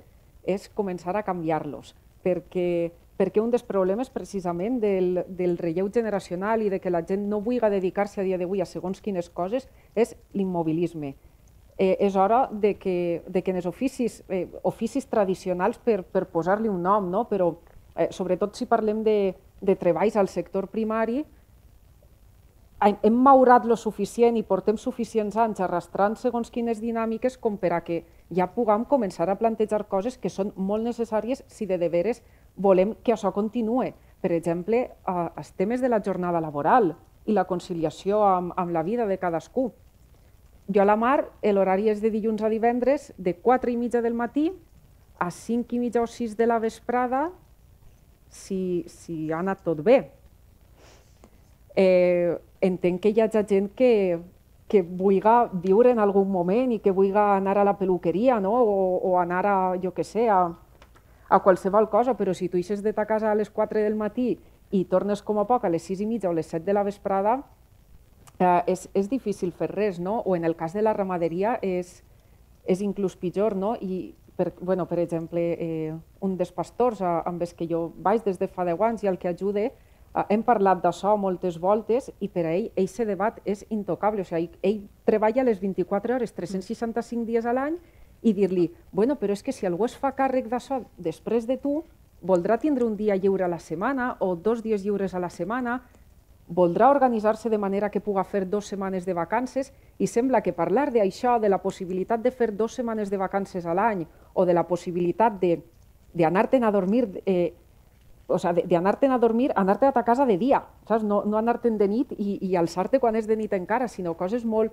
molt bàsiques, és com a que o tu realment no t'estimes lo suficient la faena o no eres suficientment dur i apte per a fer aquesta faena perquè vols tindre dues setmanes de vacances a l'any, no?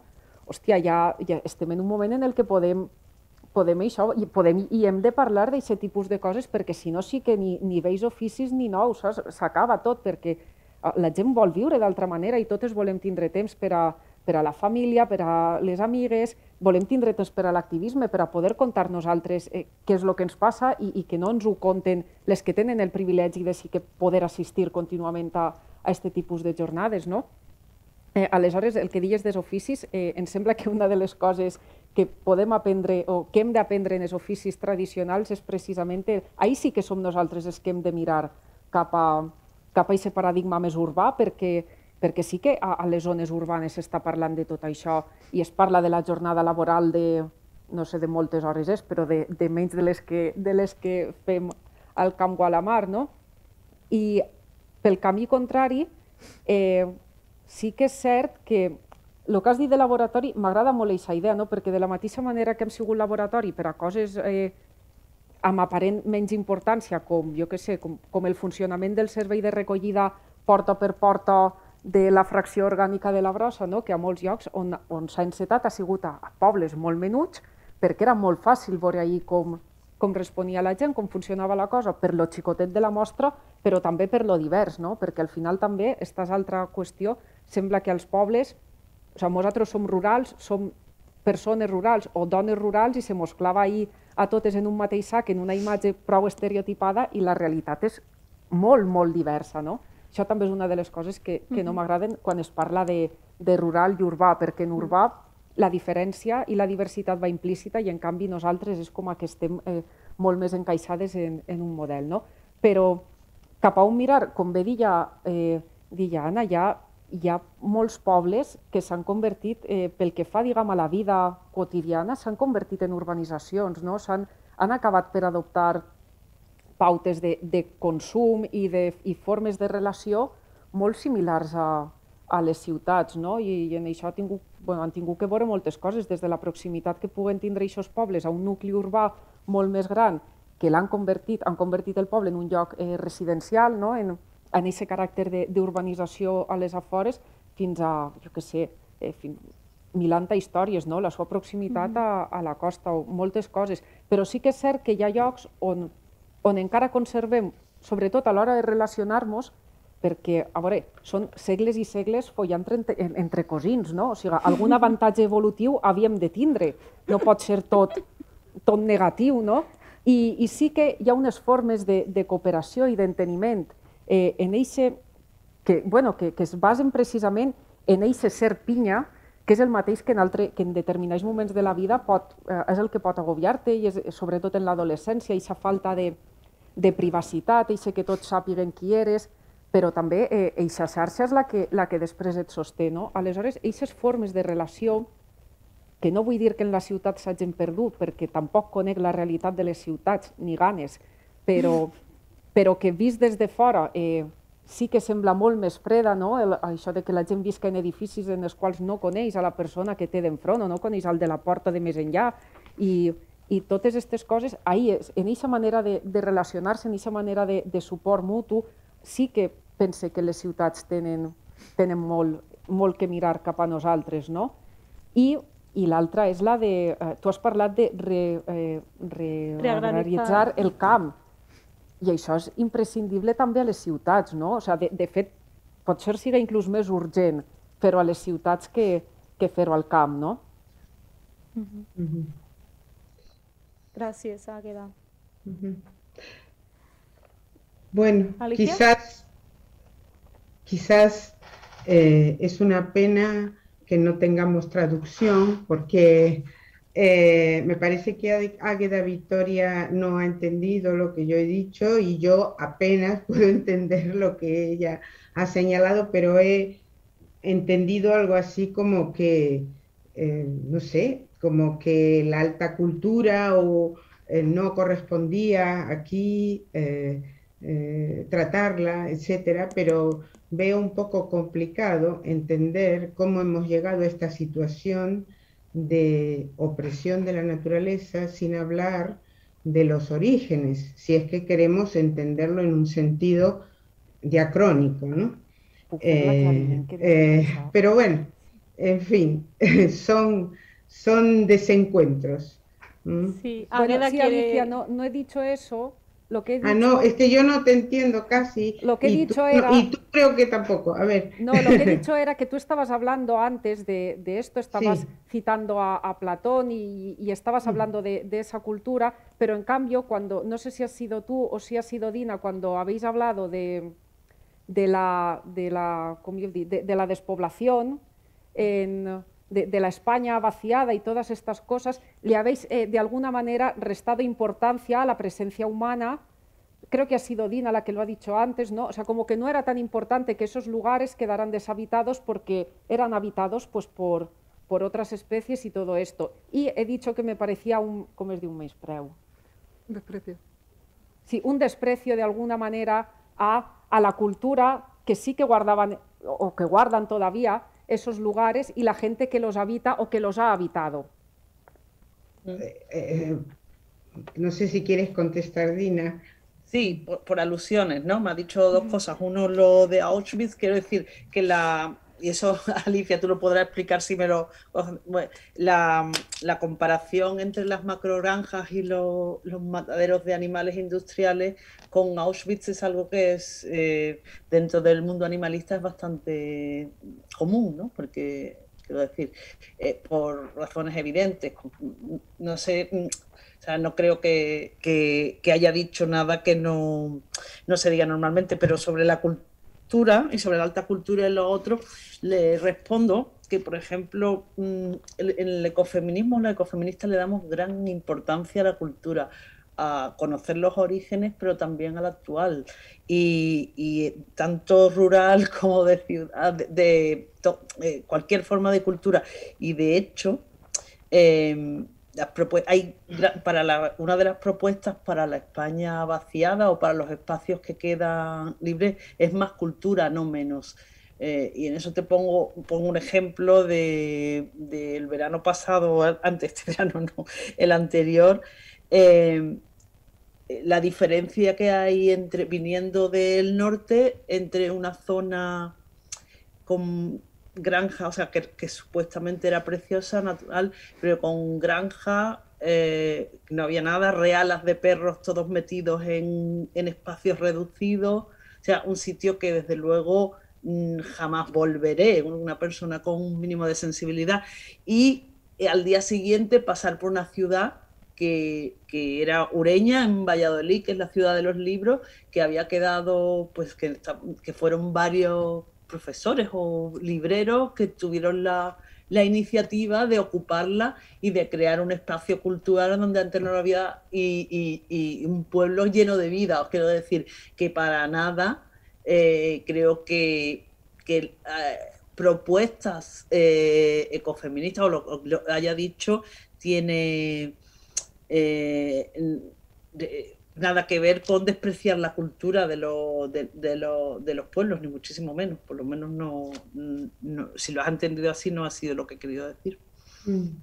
Sí, no sé, y con respecto a Auschwitz, eh, bueno, el escritor eh, judío premio Nobel Isaac Bashevis Singer fue quien comparó eh, los, las granjas industriales con el holocausto, ¿no? O sea, que quiero decir que no es una falta de respeto, ni muchísimo menos.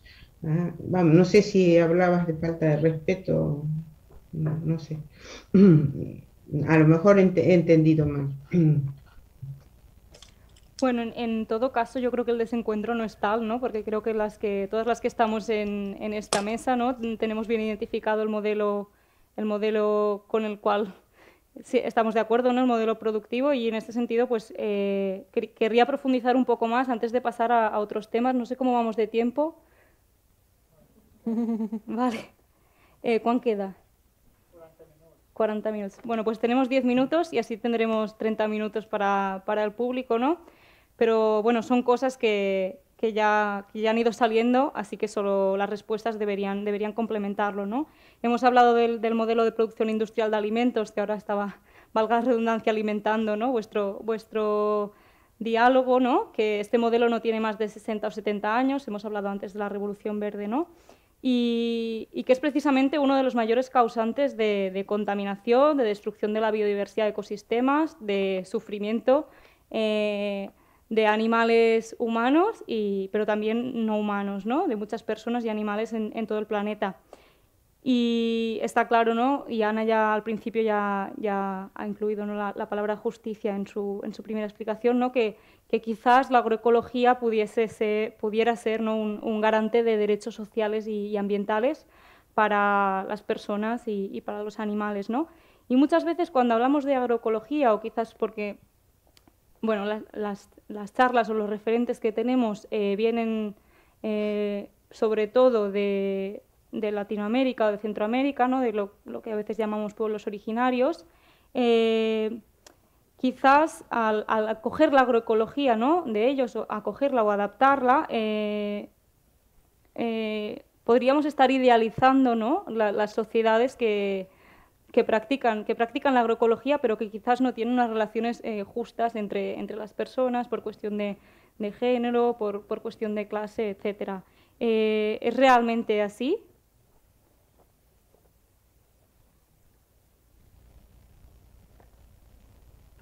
No sé si queréis. ¿Quién comienza? Es, es, aplicable también a cuando hablábamos de la, de, eh, de la relación campo-ciudad, ¿no? de, idealizar las formas de vivir del campo cuando mm, realmente mm. eh, quizás eh, muchas cosas se deberían dejar atrás o cambiar, ¿no? como decía Águeda. Yo creo que la, agroecología, yo he, trabajado en un máster de agroecología de la UNIA bastantes años, no soy una experta yo misma en agroecología indudablemente, pero sí he estado en contacto con con expertas y expertos en agroecología.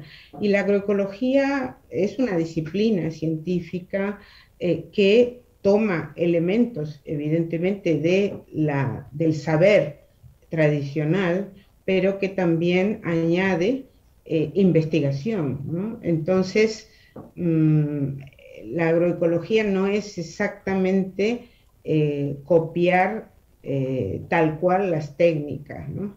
Mm, las técnicas ancestrales, pero sí es eh, respetar ciclos, mm, mm, combinar eh, la diversidad de, plantas como para que no, haya monocultivos que sean sumamente vulnerables, etc. Entonces, en ese sentido, eh, también recoge el conocimiento de las mujeres que se ocupan de los huertos familiares y que, eh, como bien cuenta Vandana Shiva ¿no? en, ese libro clásico que es eh, Staying Alive, cuando llegaron los expertos con sus fertilizantes sintéticos, etc., despreciaron ese conocimiento de las mujeres mm, de la utilización de, recursos naturales, de protección de los cultivos y arrasaron con eso. Entonces, eh, la agroecología en ese sentido recoge el conocimiento mm, tradicional, el conocimiento de las mujeres y lo enriquece también con, eh, con, con, investigación actual. Eh, yo querría mencionar al respecto también que algo que, quedó, que me quedó por decir de, una pregunta anterior, ¿no? y es en la cuestión del despoblamiento, ¿no? Mm, rural, que también el despoblamiento rural eh, a veces tiene que ver, mm, por lo menos en Europa, con la emancipación femenina, el hecho de que en, el mundo más pequeño de, la comunidad rural, eh, pues a veces había ¿no? costumbres que eran opresivas para las mujeres y, mm, y que se fue despoblando también el campo porque las mujeres no querían vivir en él. La agroecología, por lo menos en América Latina, y yo creo que aquí puede hacerlo también, pero es distinta la situación, eh, tal como lo muestra una especialista en este tema, que es Emma Siliprandi, eh, una especialista brasileña, que muestra mm, cómo la agroecología, que se inició con un concepto de la familia y, de las, y del lugar de la mujer, un poco mm, quizás, bueno, como que subordinaba a las mujeres, como sin embargo fue eh, convirtiéndose en un instrumento de empoderamiento para las mujeres rurales eh, en, el estudio que, ella realizó, ¿no? Cómo al hacerse eh, multiplicadoras, es decir, al ir mm, transmitiendo el conocimiento de la agroecología, empezaron a salir de situaciones familiares opresivas, eh, casos, bueno, pues hasta de maltrato, y, eh, y se convirtieron en, en, personas muy respetadas en la comunidad porque eh, tenían un conocimiento, el de la agroecología, que era útil y que lo transmitían. ¿Mm? ¿Mm? Sí, a mí e, en, este sentido, ¿no? Como que me apetecía, ahora que hablábamos de, de la agroecología, que recuperaban, ¿no? Esta idea de, de la dimensión un poco más científica o más académica, ¿no? Perdona, del origen de, la, de, la, agroecología, yo creo que ahora mismo en el momento en el que estamos, ¿no? O sea, em, creo que necesitamos como una visión muy práctica, ¿no? De, de, la, o sea, de, las, de las dimensiones de, la, de, las prácticas que, que, propone, que propone la, agroecología, porque estamos en un momento de emergencia, ¿no? Estamos en un momento de, urgencia total, de emergencia sanitaria, de emergencia, de emergencia alimentaria, de emergencia habitacional, de emergencia climática, ¿no? Y que, por tanto, sea, como que tenemos que recuperar como una parte muy, muy pragmática y muy de, de los usos y de las costumbres eh, propias, ¿no? Y, y, en este sentido también, ¿no? Como, o sea, eh, la, o sea recuperar la, la importancia y, revalorizar, ¿no? O sea, como los usos y costumbres de, de, nuestros pueblos y de, y de, y, de, de, nuestra, y de nuestra tierra, ¿no? De la manera, de, la manera de, gestionar los recursos, de la manera de, vivir el territorio, etcétera, ¿no? O sea, como que también tengo igual que igual que pasa con, el, con las estrategias de repoblación de repoblación rural, em, también se da en, la, el sector agrario, ¿no? O sea, cuando se hacen propuestas un poco desde, arriba, ¿no? Sea, con, eh, mm, con políticas públicas no pensadas desde el territorio o desde eh, eh, una mirada supuestamente experta, ¿no? Que también homogeneiza las maneras de las maneras de hacer.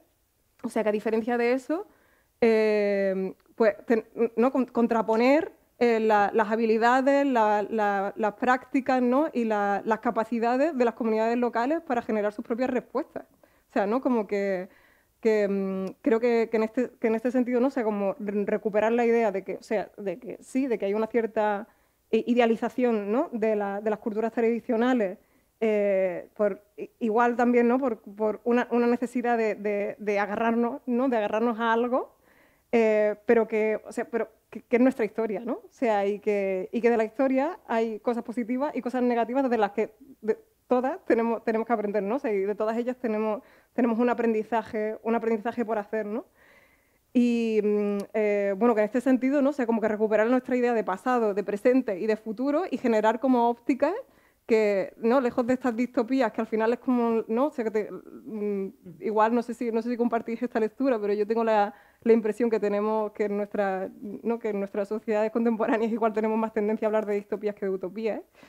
Eh, y que, que, nos es mucho más fácil pensar en el colapso que en, en futuro, en futuro, ¿no? en escenarios de, de, justicia social, social y ambiental, ¿no? en, en escenarios de positivos posibles, eh, pues no sé cómo trabajar, o sea, como que, que seamos capaces de generar estas nuevas, estas nuevas narrativas en las que todas, seamos ¿no? que todas tengamos una voz. ¿no? O sea, y aquí el, el mundo rural ha, ha, perdido mucha voz, o sea, no ha tenido voz, el, la, el sector agrario no ha tenido voz, y de hecho en muchos casos se le utiliza como figurante eh, para justificar ¿no? o sea, una, una supuesta, eh, una, un supuesto compromiso que no es tal. ¿no? O sea, y, y aquí creo que tenemos una, una tarea importante de, de, de, volver al centro eh, de los espacios de decisiones también al, al sector primario y, y de, alguna manera pues generar narrativas diversas, ¿no? O sea, eh, como recuperar esta idea. Sí. sí. ¿Puedo decir una cosita? Sí, Dina, breve, por favor. No, muy breve, quiero decir, muy, hablando Ana, escuchándola, simplemente decir que para, creo que no sé lo que dirá Alicia, pero para mí, creo para muchas compañeras, el ecofeminismo es nuestra utopía, ¿no? Eh, es claramente una utopía. Evidentemente, los tiempos en que vivimos, las distopías también están presentes, pero nosotras consideramos que nuestra propuesta, el vivir en armonía con los ecosistemas, otras especies, y los humanos entre nosotros, eh, esa mirada empática pues un, verdaderamente una utopía y es ese mu otro mundo posible que nosotras creemos que, podemos llegar. Vale, pues eh, no sé, ¿hay más intervenciones? ¿No? Pues yo quería hacer un pequeño cierre antes de, de, la, de pasar la palabra al público, pero Ana lo ha, hecho, lo ha hecho genial y con el complemento de Dina, así que no sé si hay alguien encargado de, un micrófono, pasaremos la voz al, al, público. Aquí el compañero tiene el micrófono, pasaremos la voz al público. Eh, Dina y Alicia os, entrará, os entrarán también las preguntas en el audio y nada, pues si queréis hacemos una ronda y luego vamos, vamos contestando, os las apuntáis o... ¿Alguien se anima? Somos conscientes que hemos lanzado más que respuestas muchísimas preguntas, ¿no? Hemos tocado muchos temas, algunos en profundidad, otros más de refilón. Eh, el tema energético no, no, salió todavía, ¿no? No ha salido. Tenemos aquí una, una experta, ¿no? Y bueno, también sería igual un, un tema para tratar. Muchísimos, muchísimas cuestiones tenemos sobre la mesa. Uh, buenas, buenas tardes. Eh, precisamente quería preguntar sobre eh, la cuestión de la transición energética. Eh, a, a, mí me parece que es uno de los ejemplos que más explican las agresiones que vive o que puede vivir el medio rural y cómo se concebe ese medio rural eh, desde, desde, ese antropocentrismo, o, eh, entre comillas, urbano. ¿no? Eh, quería saber cuál es vuestra opinión sobre las aportaciones que puede hacer el, eco, el ecofeminismo en esa transición eh, energética ecológica. Si, si quiere. Adelante, Ina. Mm, gracias. No quiero, son dos seguidas, pero bueno, también intento ser breve para, para dejar más preguntas. Eh, nosotros sí creemos que es, posible, no solo es posible, que es necesaria una transición energética ecofeminista y viendo, volviendo al antropocentrismo una vez más, como, como llevamos, eh, con ese lo que ha hablado el compañero en la pregunta, con ese respeto a otras especies y ecosistemas, ¿no? Y por supuesto, desde una perspectiva decrecentista uno, clara, ¿no? Eh, mmm, cuidado con el, o sea, entendiendo y es lo que no podemos no podemos continuar como vamos, que no hay una solución tecnológica, que todo pasa por, por decrecer en nuestro consumo energético, sobre todo en los países del norte, ¿no? Y, y, que decrecer, y eso lo, decimos y seguro que lo complementa Alicia mucho mejor que yo, pero mm, decrecer no significa decrecer en felicidad, o sea, el decrecimiento de la energía no significa decrecer en calidad de vida, en esa otra, en esa vida que nosotros queremos. Eh, por supuesto, por un lado, mm, o sea, mm, ya sabemos, y, eh, no, no, es el momento, pero no creer este greenwashing que se está creando, ya, ya podemos hablar de, del Green New Deal y todo, sobre la movilidad eléctrica como la gran panacea, el gas como renovable, entre comillas, el hidrógeno como, como la solución de todo, ya sabemos que no. Y, mm, eh, por un lado, de crecimiento, mm, bajar nuestro consumo y claramente incidir en, la parte de la democracia, o sea, la horizontalidad y en la democracia y en la justicia climática. Como nuestra transición ecofeminista, eh, la participación de las mujeres en igualdad como feminista, siempre. es un sector, ya sabemos, altísimamente masculinizado y nosotras como mujeres feministas, no solo por justicia queremos participar en igualdad, sino además como ecofeministas creemos que la salida pasa por nuestras soluciones también y darles voz y voto a las mujeres y el liderazgo en todo lo que son las políticas energéticas que están unidas a las políticas climáticas. ¿no? Eh, cuando hablábamos de democracia, de justicia climática, creo que esto está muy unido a las compañeras de la agroecología en los proyectos cooperativos. Y aquí las comunidades locales tienen muchísima importancia. Y en la, en la generación, en otra forma de generar y de gestionar la energía. Y aquí tenemos una figura, que son las comunidades energéticas, que todas y todos tenemos que poner nuestro granito de arena ¿no? para para, que, para hacer presión para que salga adelante, para que se regule y se dote de los recursos necesarios desde la administración. Y ahí las, hablaba antes Carla del papel local, pues aquí claramente eh, las entidades locales tienen un papel fundamental. Y como siempre decimos las feministas, y para terminar, toda esto, legislación adecuada y con presupuestos como para, para, abordar esta nueva, o sea, la transición que necesitamos. Gracias, Dina. Águeda? Sí, eh, bueno, allà al País Valencià s'hi suposa que, que la cosa no està massa diferent, però és una de les amenaces més immediates a les quals ens enfrontem ara mateix a molts pobles i entenc que el debat teòric és, és necessari, però el que necessitem ara mateix és una solució per a aquesta persona a la que la setmana passada li van oferir eh, més del doble i més del triple del que, del que trau tenint aquest camp en producció per a instal·lar una, una planta fotovoltaica. No? I, I és com abordem aquesta eh, urgència que, és, que a més és que és ja, o sigui, no estem parlant d'ací dos mesos o tres mesos, sinó de ja. També de quina manera i amb quina cara li demanem a algú que diga que no a aquest tipus d'ofertes, no? Quan tens, eh, per un costat tens eh, els serveis que portes tota la vida reclamant i que necessites al poble i, i que l'administració mai t'ha donat, no? o, o tot el que reclames pel que fa al rendiment de, del teu camp i de la teua producció i de repent venen i te ho posen en bandeja, no? te ho serveixen ahir. O sigui, ahir ho tens. Ahir tens els diners per 30 anys, eh, l'arrendament durant els pròxims 30 anys, car després eh, Després hem de pensar també en com queda el territori després d'una de, instal·lació eh, fotovoltaica que ja no és recuperable per a l'agricultura, però és que la gent no pot pensar a 30 anys vista perquè li costa, no? I, i després això, i després també per als llocs on, on per exemple, en Xiva, que ja no, estarà ja en, ex, en execució el projecte d'una macroplanta fotovoltaica, clar, totes aquestes coses que, que ja dic que tu has estat reclamant eh, com a poble durant tota la teua vida en quant a serveis i que ningú t'ha oferit fins que ha vingut una, una empresa privada i t'ho ha posat ahir. No?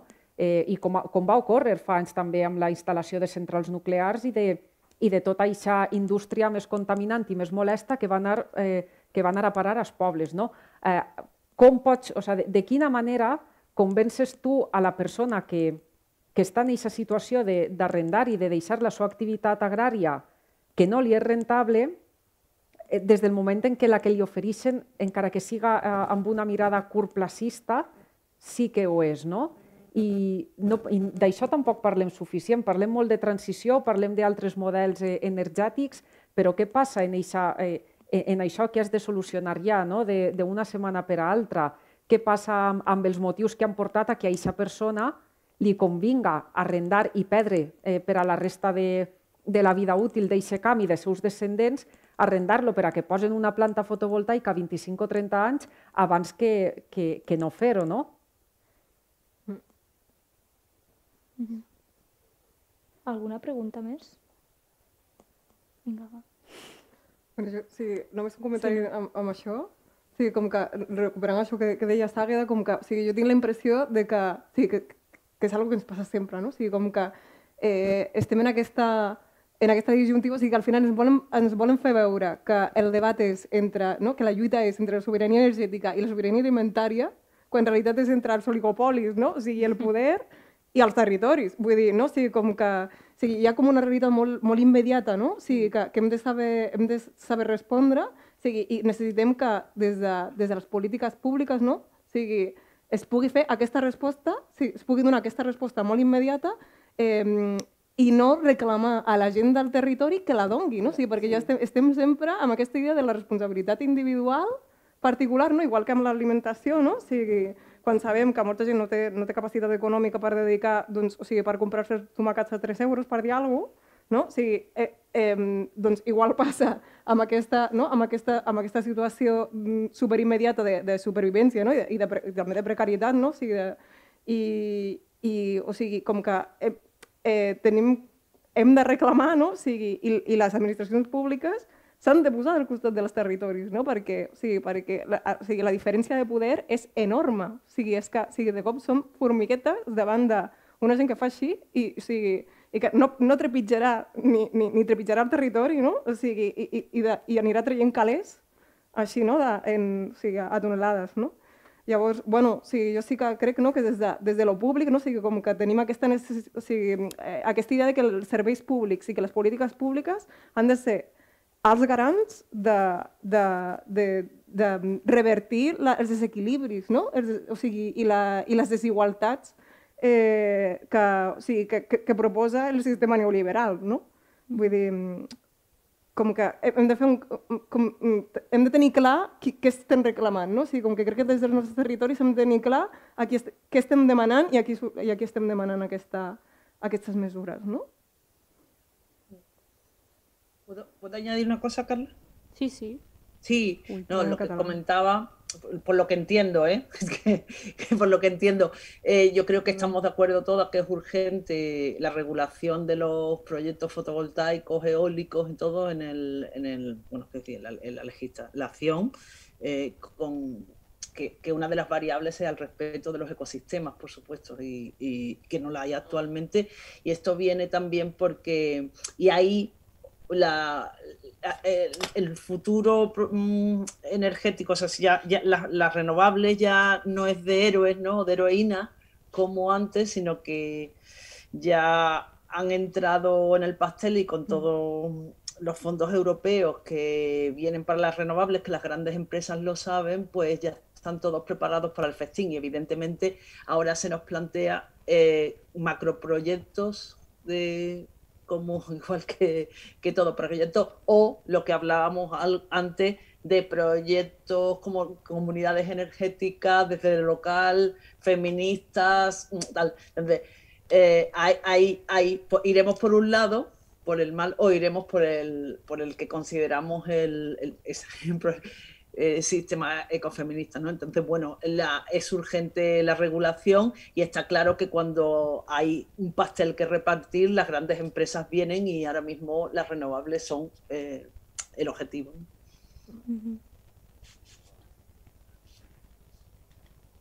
¿Algún se?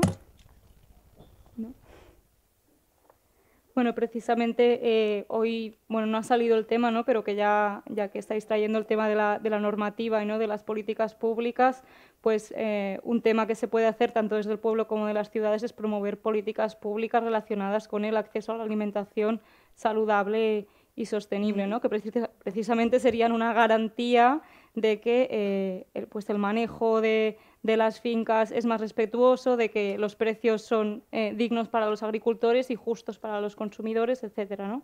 Es un tema que, que bueno, no hemos tocado hoy, pero, pero que también es una cosa a poner sobre la mesa, ¿no? que ahora hay como todo el revuelo este de, de, las, de las renovables y se han creado muchas plataformas, etcétera. En cambio, el movimiento por la soberanía alimentaria pues sigue siendo chiquito y no tiene eh, tanto altavoz ¿no? como, como puede tener ese tema, quizás por la, por la urgencia o por la magnitud de la tragedia de forma inmediata. ¿no? Bueno, de hecho, sí. Ah, sí, sí. No, sí, quería, quería interpelar al público porque solo hemos tenido una pregunta y no sé, si llevan casi dos horas escuchándonos y quizás tienen algo que decir o alguien no, está de acuerdo con algo que, hemos dicho, que sería también interesante escuchar. Yo mientras decirte que es lo que hablaba lo de, es una de las propuestas clásicas del ecofeminismo, ¿no? la comida ecológica en los, en los centros públicos, en los colegios, como una forma de gestionar. Vale, tenemos una pregunta en el, en el chat del, del, YouTube que dice, em, ¿se pueden hacer estas políticas públicas que decía Ana sin transformar globalmente la noción eh, de que la política ha de favorecer a los mercados? no. no taxativamente, no? Bueno, vull dir, sí, aquest... Uy, perdón, paso al castellano. Eh, que, que, este es un temor, ¿no? O sea, como que tenemos... hay, hay, una cierta tendencia en política, una cierta no, o sea, una clara tendencia en políticas públicas a todas las escalas, ¿no? A escala local, a escala, a escala estatal y también a escala internacional, ¿no? De ahora mismo en la Unión Europea eh, se, hay una, ¿no? Se, se, aprobó una, la estrategia de From Farm, to Fork, que es como de la, de la granja a la, mesa. Em, y que, que, hacía toda una serie de propuestas, eh, algunas muy interesantes, ¿no? O sea, para, para, como aspirando ¿no? hacia esta transición agroecológica, en principio, ¿no? pero sin cuestionar el modelo productivista y, el, y, el, modelo de, de la acumulación de, de, capital, ¿no? O sea, y sin hacer, o sea, sin penalizar eh, prácticas que son nocivas para, para, el medio y para las personas, ¿no? No estamos haciendo nada, entonces. Porque, o sea, eh, de, ¿no? O sea, si, si, si, la, si las pequeñas, si las pequeñas eh, fincas, fincas agrarias tienen que competir con, una, o sea, ¿no? con, con, esta, con esta competencia desleal de los mercados especulativos y de la generación de, de alimentos, mercancía barata, o sea, es que no, no, no, hay salida, ¿no? O sea, no hay salida porque, o sea, porque seguirán acaparando tierra, seguirán trabajando con, con precios con precios que no son justos, seguirán, seguirán trayendo eh, alimentos de otras partes del mundo en, el los cuales se están externalizando eh, toda una serie de, consecuencias mm, chunguísimas, ¿no? sea, para, para, los mismos territorios, como son la deforestación y, la, y la, eh, los movimientos de personas. ¿no? Em, hay, falta valentía política, ¿no? O sea, al final, al final se trata de esto, porque o sea, hay un claro poder, ¿no? O sea, hay un poder mucho más grande eh, que, las políticas públicas, que son los, mercados, y no, no, nos estamos atreviendo, no se están atreviendo a, ¿no? o sea, como a ponerle frente a, esta realidad que es la que está minando eh, la, capacidad de los sistemas alimentarios territoriales ¿no? y de los sistemas alimentarios locales. Está, aquí también está el, tema de la distribución y demás. Águeda, bueno, Águeda trabaja en el sector primario y ayuda a otras personas que trabajan en el sector primario. No sé eh, si te has encontrado ¿no? con los dilemas de la distribución y la comercialización, que, que, es uno de los grandes temas que el movimiento agroecológico tiene como reto prioritario. Clar, però uh, quan parles de, de dilema, o, sea, o jo sí, el que entenc, eh, quan parlem de, de dilema, a aquest nivell, diguem, uh, ultralocal, que és, eh, que és el nivell eh, al que treballem i, i el que aspirem d'alguna manera a mantindre, uh, jo no pense en, en aquestes macroestructures, no? perquè, perquè és un món que més per complet aliè i, i que vull que siga sento, perquè el nostre àmbit d'actuació, ja dic, és, és molt reduït i, i precisament perquè és tan reduït és tan, és tan eficaç cada, cada una de les coses que fem. No?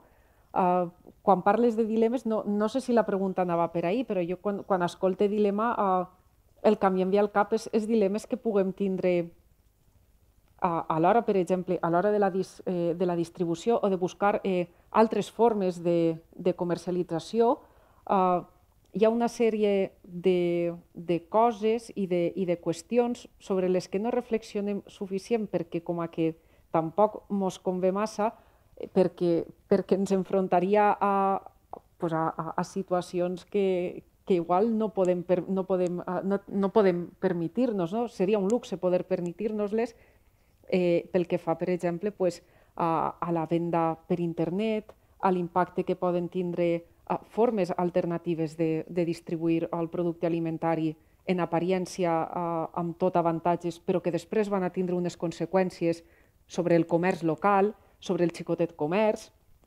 Parle d'això, parle de, de la venda directa de, del productor al consumidor, parle dels de grups de consum, eh, i com això, o sigui, com, com casem això amb, ja dic, en aquesta xicotiuíssima, no? en, en, en aquest àmbit reduïdíssim, amb el desig de, de la presència de comerç local, perquè és molt més que un espai on es produeix un intercanvi comercial, sobretot quan parlem de, de pobles menuts, o què és el que ocorre quan, quan això, quan, quan parlem sempre en positiu d'aquest contacte entre productores i consumidores i deixem aquest uh, eslabó de la cadena que també és dèbil, sobretot a, perquè no estem parlant de supermercats ni estem parlant d'intermediaris, no? sinó que estem parlant només d'un esglaó entre mitges d'aixòs dos punts que estem oblidant i que també requereix d'atenció perquè és igual de dèbil que, que el que era el productor, però que ja dic que són debats, eh, també el tema de, de, la, de la venda per internet i les conseqüències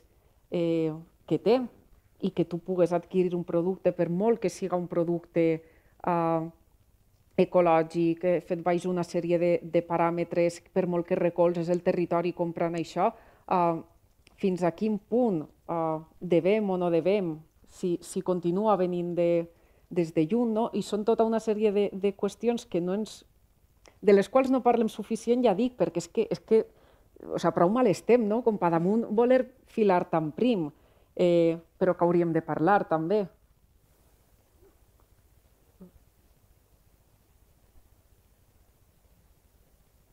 Sí, de hecho, igual la distribución es uno de los, ¿no? Un de los cois de ampolla, ¿no? De, una, una, de las grandes problemáticas de, de, lo, de, de, las redes alimentarias locales, ¿no? O sea, es como ese tema que hemos acabado de, que hemos acabado de trabajar y que al final acaban asumiendo las productoras, ¿no? Sí, Como una tarea más a, a, añadir a todo, ¿no? A, a, una, a una jornada súper larga, ¿no? Eh, sí, yo creo que con, con, el, con la pandemia, ¿no?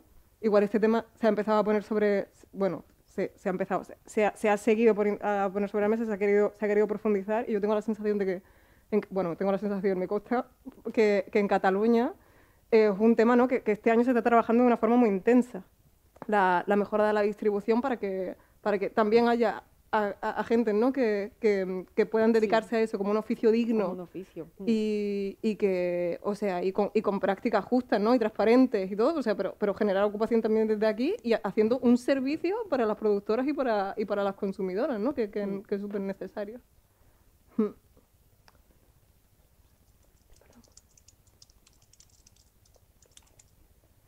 Bueno, estamos ya finalmente eh, hemos, hemos, conseguido aterrar en, en, en, en temas más muy, muy específicos ¿no? de, de, las redes alimentarias que no hemos podido profundizar por completo porque hemos tocado toda una constelación de, de temas ¿no? que, que, bueno, que pululan alrededor de la, de la agroecología. ¿no? Y al final un poco era, este era el objetivo de la sesión, ¿no? quizás eh, alguna persona ¿no? ha asistido a la sesión o la está viendo en línea y pensaba que íbamos a hablar más ¿no? de, propiamente de la producción de alimentos, de las redes alimentarias y demás, pero hemos acabado tocando un montón de temas y, quizás se, se, irán hechos un o hechas un lío, pero, pero bueno, yo creo que al final todo va, todo va, va cogiendo sentido, ¿no? A medida que hemos ido poniendo eh, piezas en el puzzle con las primeras intervenciones que, que habéis hecho, quizás más, más conceptuales, ¿no? que hemos hablado, hemos comenzado hablando del binomio naturaleza eh, cultura y demás, y al final Ana pues ha traído la palabra, la otra palabra de moda que es, que es el colapso, ¿no? que, al final vendría, vendría a ser ¿no? la, consecuencia de, de, este dualismo que ha explicado Alicia al principio de, la jornada. ¿no? Hemos hablado también del, mucho del androcentrismo, del antropocentrismo, eh, las propuestas del, ecofeminismo crítico, cómo se articulan las, las redes alimentarias locales, ¿no? los vínculos que, subyacen o, que son básicamente son, son, son lo, lo que las diferencia de las redes alimentarias pues, más eh, eh, globalizadas, etcétera, ¿no? Hemos hablado de los saberes de, de, nuestros pueblos, pero también de los, de los pueblos eh, que llamamos originarios, ¿no? ¿Qué podemos rescatar? ¿Qué, qué debemos criticar ¿no? de, de estas sociedades también? ¿Y qué podemos aprovechar para para caminar o, seguir caminando o transitando hacia, hacia un cambio de paradigma, eh, donde creo que ha quedado, ha quedado bastante claro hoy ¿no? que la agroecología pues, eh, juega un papel eh, muy importante. esto quiere ser un poco el cierre de la sesión. Muchas gracias a todas las ponentes por, por haber asistido a esta sesión con un formato un tanto raro, así híbrido, eh, que me ha tenido, me he dado cuenta al cabo de un rato, ¿no? que estoy como volcada hacia la pantalla y no hacia, y no hacia el público, pero me es muy...